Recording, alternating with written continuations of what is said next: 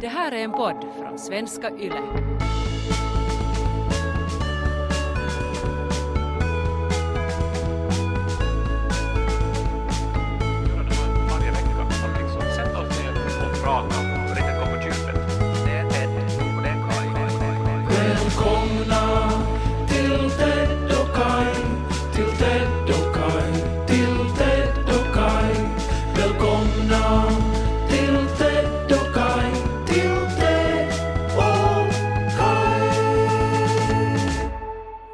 Och välkomna till Torv och Kai. Med Torv Forsström och Kai Korkeaho. Torve Nils Håkan Forsström. Jag vet inte om du har hängt med i den här grejen som händer på sociala medier, eller är det bara författare? Nej, alltså är, är det, om jag har förstått det rätt så är det väl typ kritik mot regeringen. Ja, eller framförallt mot eh, kultur och undervisningsminister Annika Saarikko. Ja. Vi vet ju alla att det var en sån här regeringskris här då eh, och eh, så visade det ju sig att rätt så långt så handlade det då om torven. Att eh, Centern då som regeringsparti krävde då att det skulle ges en massa pengar till torven. Förlåt, kan vi bara, alltså som en liten disclaimer nu, vad exakt nu är torv? Eh, nå, torv är väl sånt som finns i myrar. När man dränerar vatten och sånt från myrar så finns det torv där under. Alltså, Ett sorts fossilt bränsle kan man använda det som. jaha.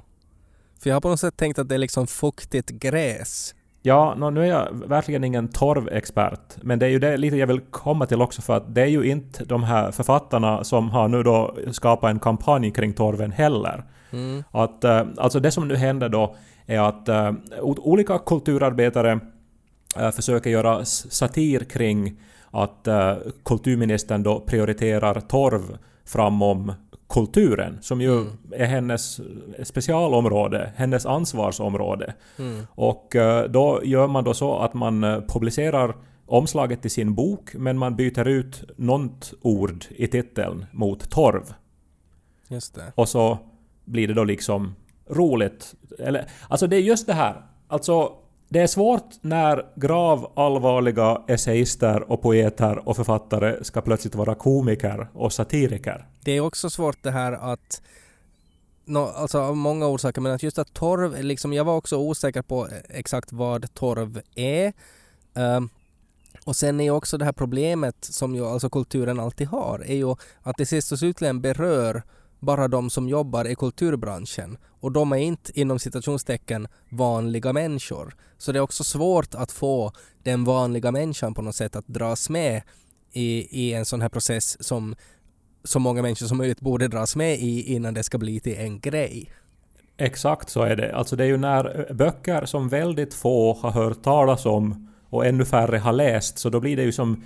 På, alltså på ett sätt blir det fel budskap. För att jag, jag tror att de flesta som ser då en dåligt photoshoppad bild på en okänd essäsamling med ordet torv i, så tänker ju som att Ja, men om man måste välja mellan torvindustrin och det här så är man inte riktigt säker då vad man skulle välja. Nej, jag reagerar också väl, alltså när du sa dåligt photoshoppat, det är ju inte ens photoshoppat utan det är ju författare som har skrivit med sin så här liksom tanthandstil på ett rutigt papper och klippt ut och tejpat det fysiskt på sin bok och sen tagit en, en bild där man vet att de har kämpat ganska mycket nu att hitta kameran på sin telefon och sen tagit en bild av det där. Ja, eh, alltså allt det där stämmer också.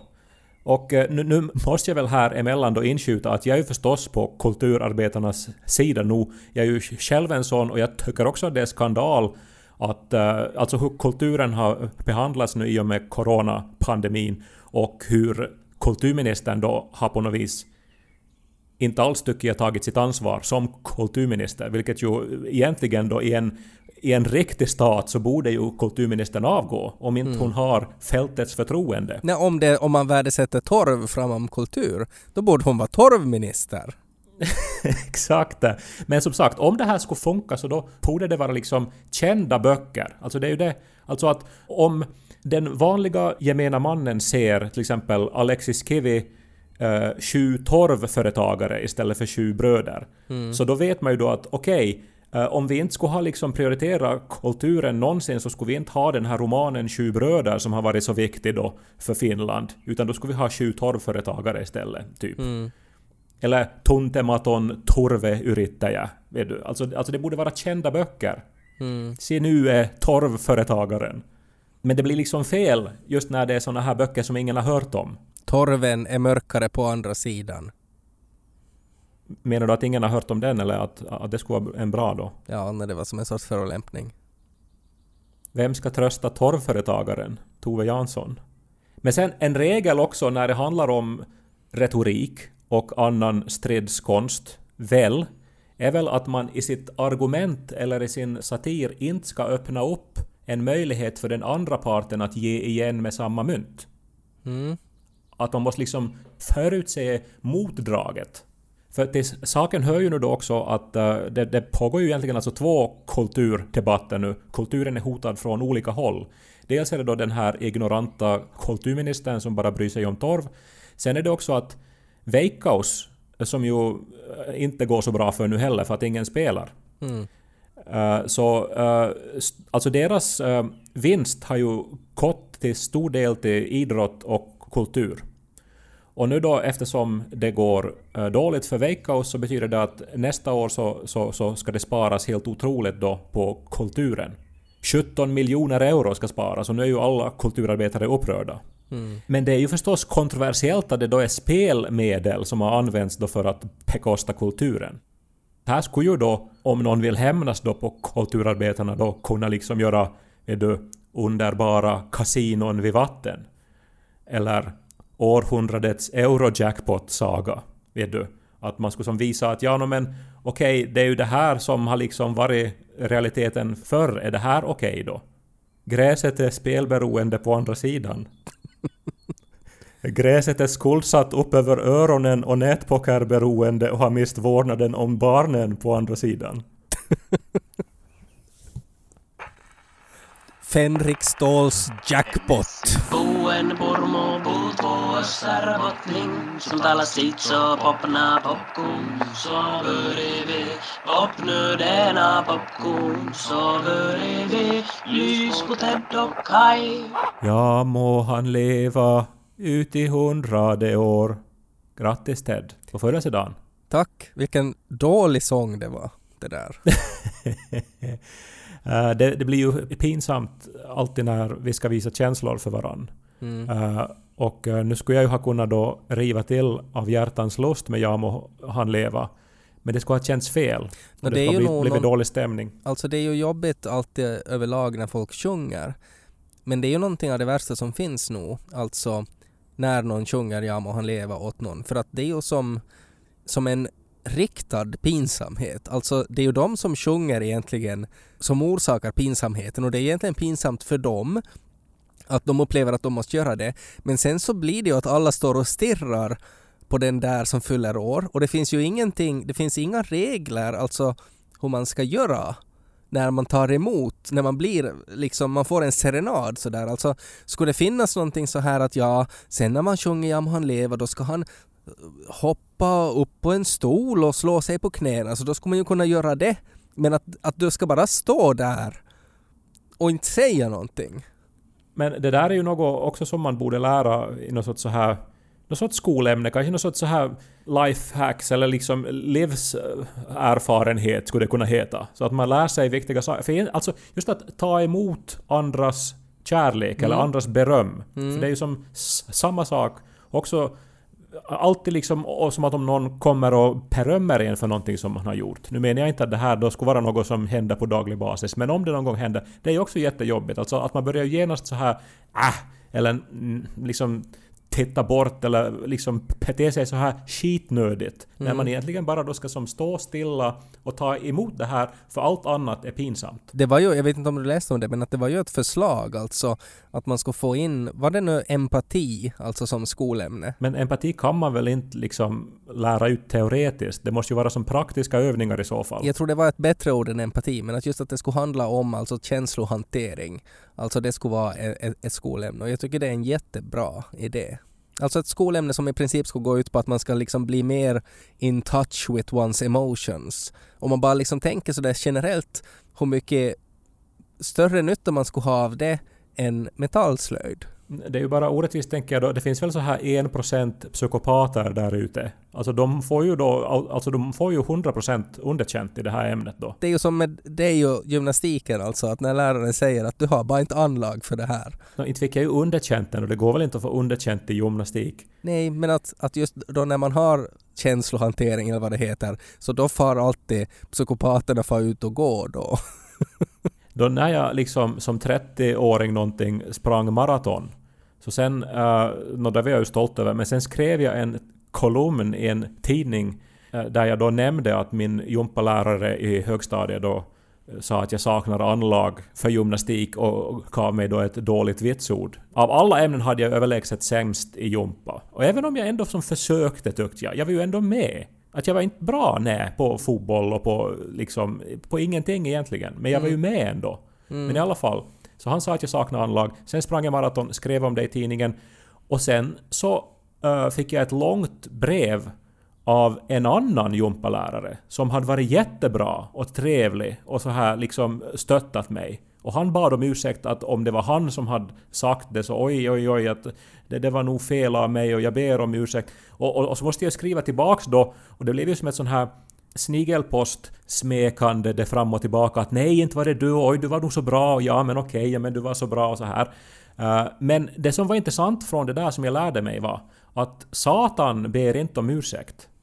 För Satan är inte så medveten om att, om att det behövs, för Satan saknar empati. Men det är ju de här, de här genomsnälla, de här eh, som, vet du, som, som inte har någonting att be om ursäkt för. Det är också de som genast antar att det är jag som måste be om ursäkt. Förstår du vad jag menar? Ja men inte var han ju helt en ängel heller om, om det nu var att han inte kom ihåg om du var en av de här barnen han hade sagt sakna anlag. Så att han hade nog liksom gjort det ändå åt ganska många men att han minns inte att var det just du, att han ville be om ursäkt åt dig som började skriva kolumner och ha dig om det här. Ja, men jag minns honom bara som så här genomsnäll, att han var som allas, allas vet du, favoritlärare typ.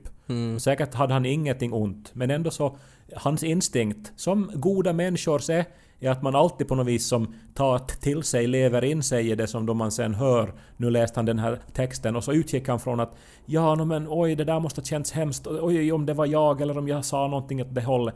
Ja. Men Satan, han har inte hört av sig. Nej, Men vad ska du göra på din födelsedag då? vi har en sån här liten, jag vet inte vad man ska kalla det, inte kris, men en sån här utmaning hemma. Eh, att när eh, Lo har en sån här grej att han alltid frågar alltså vad, vad det är för sorts tårta man vill ha. För att vi försöker sträva till det alltid att, att när någon fyller år eh, så får man liksom önska sig en tårta. Och så, så görs den tårtan liksom till den människan. Och min favorittårta är ju en prinsesstårta. Och när jag sa det åt Lo att jag vill ha en prinsesstårta så tittade han på mig och sa nej, nej, nej, nej, nej, nej. Pappa kan inte ha en prinsesstårta. Alltså på något sätt att, att, att liksom att jag är så macho och manlig så förstås det är ju skrattretande att jag skulle kunna ha en prinsesstårta. Så nu har det varit en, en liksom en, eh, ett projekt det här att jag har försökt, jag har spelat mera som Peach när vi har spelat Mario. Alltså på något sätt sådär förändra den här synen på liksom att, att, att det kan inte vara så svartvitt liksom som att, att en, en, en vuxen kar måste kunna äta en prinsesstårta. Men varifrån har den kommit då den här, den här unkna manligheten då? Det är jättekonstigt men att det är, det är just så här liksom att det Lo har lärt sig på dagis är att skjuta med gevär och vara en äkta man, vad det betyder. Det är liksom... Men han har inte som gått till Kolby vildmarksdagis då, Nej, utan man skulle, som... man skulle tro det. Men det blir, alltså det, det frodas nog en sån här väldigt stereotyp, alltså sådär flickor är prinsessor och, och män ska skjuta med kvistar. Och, alltså det är jätteintressant alltså. Och det är många föräldrar som har re- reagerat på samma, att varifrån kommer det här? Uh, och det, och, och då, då har det varit samma, alltså Lo har ju gått till två dagisar och det har varit likadant vid båda. Jag, jag har ju också uh, haft väldigt roligt åt det, att det har varit en sorts uh, tortyr av Janika också den här senaste tiden. För att vi har haft länge en deal, alltså som du och jag också har haft, alltså att vi inte ger presenter åt varandra. Och det har varit jätteskönt, alltså att vi har kommit överens jag och Janika att vi, vi ger inte alltså eh, någon sån här extra present nu för att vi har, det har inte funnits tid. Vi är, både, både jag och Janika vi är väldigt svåra människor att köpa presenter åt och det är bara liksom stress. Men för en månad sedan så fyllde Janika år och för typ några dagar innan det så började hon som ett skämt säga Ja, jag undrar nog vad jag ska få för present. Och så bara tittade jag på henne med öppen mun och var sådär att inte kommer du att få något, du kommer att få shit, noll får du av mig för att vi har ju en deal. Och så sa hon Ja, fast mm, ja, jag vet det men att du älskar ju mig och det kommer nog kanske någon present ändå. Och då skrek jag liksom fan! Och så beställde jag saker eh, på internet och så fick hon en svindyr någon sån här ansiktsrengöringsgrej som man kan ladda upp. Men att nu har ju hon alltså mått dåligt för att nu måste ju hon skaffa en present åt mig. Ja, no, jag tänker också att, jag menar som man bäddar får man ligga. Ja, men jag får inte heller ihop det här med dina mjuka värderingar riktigt. Nej, det alltså här. nå, det, här är ju, det här är ju liksom ett så här gerillakrig som Lo inte märker förstås. Att utåt sett så, så är jag mer för prinsessor men att sen så där vid sidan om så, så gläds jag också över att, att jag i princip alltså köpte en present åt Janika bara så att hon ska få det jobbigt sen att måste köpa någonting åt mig. Men nu är det ju ändå alltså att jag tycker så långt det bara går i livet så ska man ju som ta, ta bort stressmoment och så här. Och, och det är ju som just det till exempel att du och jag inte ger gåvor åt varandra är ju ett led i, i, i liksom den strategin. Att eh, då slipper man den stressen. Att det är som helt bra att man skriver eventuellt ett meddelande att grattis på födelsedagen och så vidare. Eh, Men jag tycker just att i förhållandet så är det nog ändå Uh, alltså nu är det ju livskvalitet det, det här att man som lite boostar romantiken nå- några Ja. gånger då och då. Nej, alltså jag håller med. Alltså det var egentligen av praktiska orsaker för att, att vi blev tillsammans när vi var fattiga studeranden och, och det var en praktisk orsak att vi hade inte råd att ge presenter åt varandra. Eh, och jag var för oromantisk för att kunna pyssla någonting. Så därför var det liksom Janika i sin godhet som föreslog då att kanske vi skippar det här och sen då när vi har liksom fasta inkomster och sådär att då kan vi ta itu med det. Och så försökte vi göra det men sen fick vi barn och sådär och sen blev det liksom mera stress med de sakerna och så var det en sådär, men ska vi bara fortsätta med det här? Men att sen for hon då på något sätt bara sket i den här dealen. Alltså att, att det är ju som att Frankrike bara skulle skicka in en pansarvagn till Tyskland mitt i allt. Att det är sådär att men vi har ju kommit överens om att vi inte gör så något mer. Niko följde i år förra veckan och jag hade ju gjort då en uh, jordgubbstårta till honom som ju var otroligt god. Så hade jag ju en jättebra present också. Han, han bara log och liksom tindra när han såg den. Jag ska inte säga vad det var för jag kan inte göra reklam i den här svenska Yle-podden. Var det dyrt? Det var dyrt.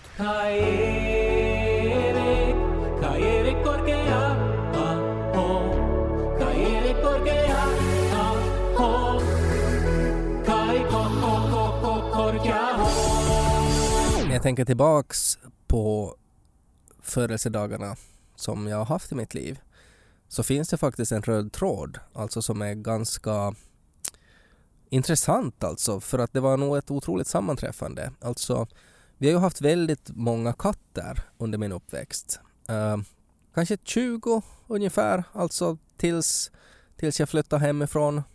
Nej, det är nog mer än 20 tror jag allt som allt. Men oberoende, alltså väldigt många katter. Och det var alltså ganska vanligt förekommande, alltså typ varannan födelsedag under min uppväxt som eh, jag fick en present av också katterna. Och den presenten var alltså kattungar.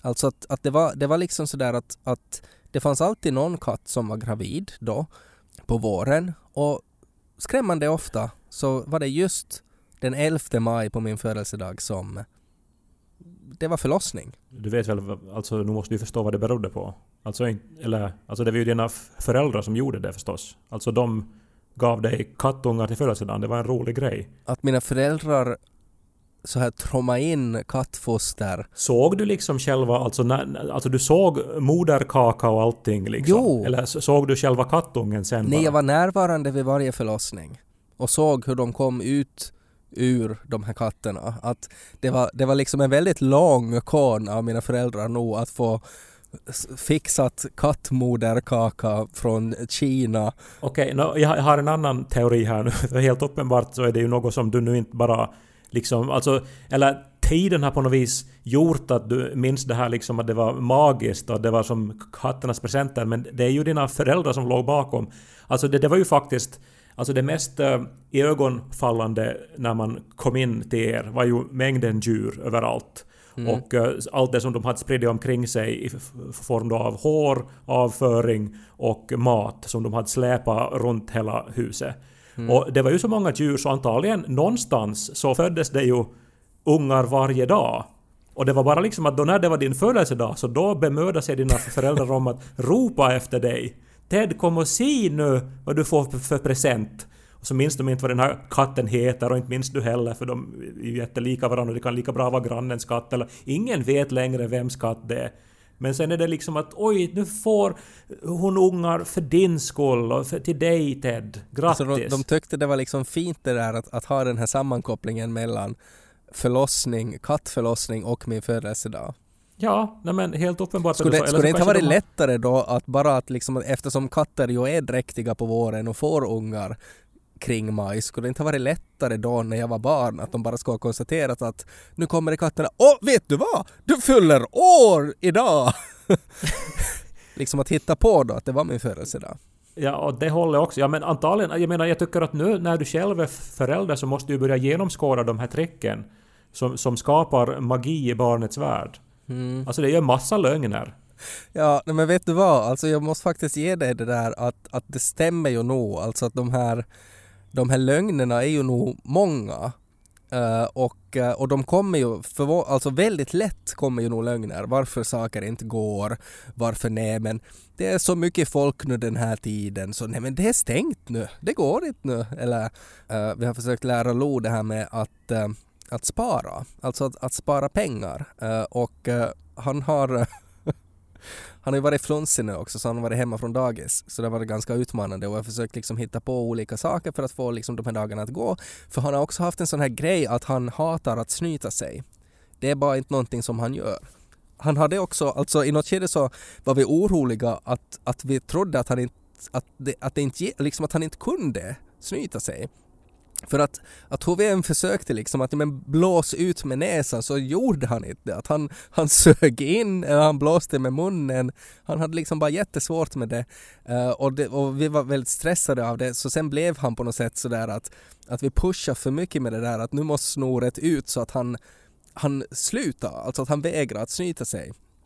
Uh, och då var det då hans mommo som kom på den briljanta idén att för varje gång han snyter sig så får han ett, dra ett streck och sen ger hon honom en euro för varje streck. Nej, det är så fel. Det är så fel.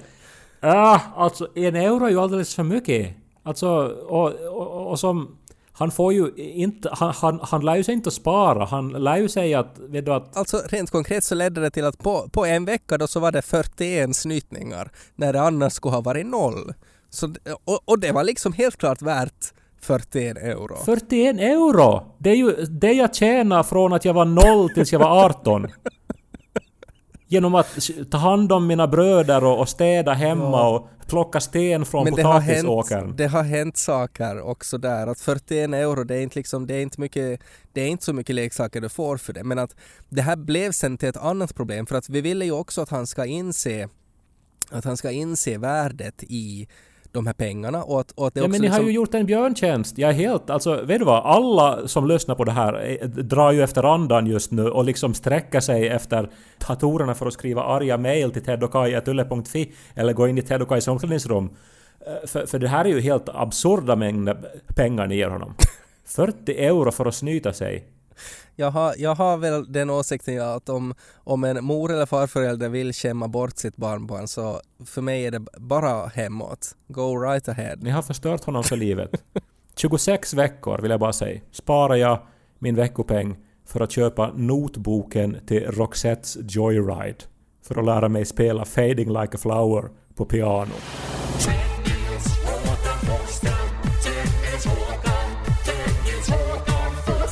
Plötsligt så vet jag ju varifrån alla de här samlingspartisterna kommer. De här som kräver att vi ska minska på anslaget för kulturen för att det är nog inte riktigt jobbat.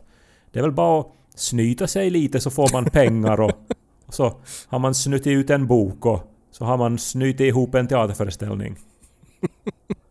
Det börjas i tid. När man är fem år sätts de här nyliberala värderingarna som leder till att vi nu då värdesätter torv mera än vårt lands kultur.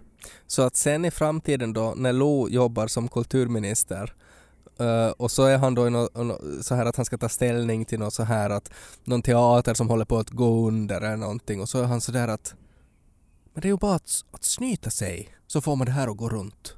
Och så hur de än försöker förklara att, att kultur är, det funkar inte så att det är liksom att att, att det krävs så mycket mer än 41 euro för att göra det här och han är, har totalt liksom noll empati för det här för han har inte heller gått till skola och lärt sig den här känslohanteringen. så han kan inte heller liksom förstå det där. Ja, men du säger det med ett leende på läpparna nu, men det är ju såna här... Om man får en sån här snedvriden bild av pengar i unga år, det är ju det som sen hänger med en så här undermedvetet och så, och så blir det då till såna här högertankar i, ens undermedvetna då, som sen formar hur man beter sig ända upp i vuxen ålder. Eller så är det bara ett sätt att få ett barn att snyta sig. Jag vill bara säga nu att jag skötte min lillebror, eh, tog hand om honom och fick 50 penn i kvarten. Och så alltså på... Om jag skötte min lillebror i tre timmar, och det var ju kvalitetsskötande här nu då, alltså lek... Jag, jag, tjänar då alltså lika mycket som Lo får om han snyter sig en gång. Men det där, det är så intressant det där för det är så olika, alltså min syn på så, alltså att det där är ju som en sån där för att man själv har varit med om någonting jobbigt så är man sådär att man, man inte ska, att någon annan ska inte liksom ha det bättre. Nej men det har ju format mig på ett positivt sätt att jag förstår pengars värde. Har det, liksom- har, det, har det formats på ett positivt sätt det där? Ska- Ja, jag Tänk- har ju helt min ekonomi i skick, till skillnad från jättemånga som har snabblån och kreditskulder och allt möjligt. Ja, men, Min ekonomi är ju tipptopp. Om jag skulle vara med i Lyxfällan så skulle de vet du, hångla mig men tänk om du skulle ha tjänat otroligt mycket av att bara snyta dig då och snyta Per uh, och, och liksom haft en sån uppväxt så skulle du idag då kunna vara liksom ännu bättre ekonomiskt ställt än det här. Nej men, eh, man läser ju alltid då, det var ju för några veckor sedan så var det en artikel om en ung man som hade insett att han kan börja dyka efter golfbollar vid golfbanorna, tvätta dem och sälja dem som second hand golfbollar. Och nu har han liksom tjänat något så här sexsiffrigt på att göra det här och liksom han har som en egen firma och anställda då som dyker på heltid vid olika golfbanor då. Om han skulle ha levt med det här att ja men om man vill ha pengar så är det väl bara till snytse.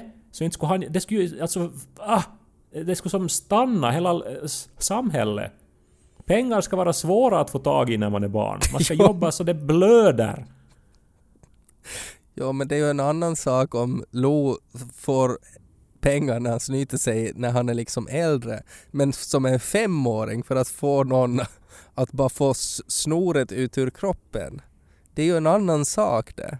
Det finns ju den här scenen i Ängeln på sjunde trappsteget när barnen har någon sorts tuberkulos och har en massa snor i sina kroppar. Eh, Och, och då är det ju pappan då som suger ut snoret med sin mun ur deras näsor. Mm. För att de ska kunna andas, barnen. Mm. De är så fattiga så de inte kan gå till sjukhuset. Det är ett Eller- hån mot alla pappor genom tiden som har sugit snor ur sina sjuka barns näsor att ge dem guld för att liksom bara andas. Jag vill bara poängtera här att Ängel på sjunde trappsteget utspelar ju sig, var det 1800-talet i Irland under liksom... Nej, nog 1900-tal tror jag. Ja, okej, nog- 1900-tal. Okej, men det var väldigt usligt och det var liksom hemskt ställt och att det fanns inte det fanns inte liksom pengar man kunde ge för snor på den tiden. Men jag är helt säker på att om pappan i Ängeln på sjunde trappsteget skulle vara i samma situation som vi och haft lika problem med att få ett barn som inte snyter sig och det skulle inte ha gått att suga ut det snoret, han skulle ha gjort på samma sätt. Torven på sjunde trappsteget.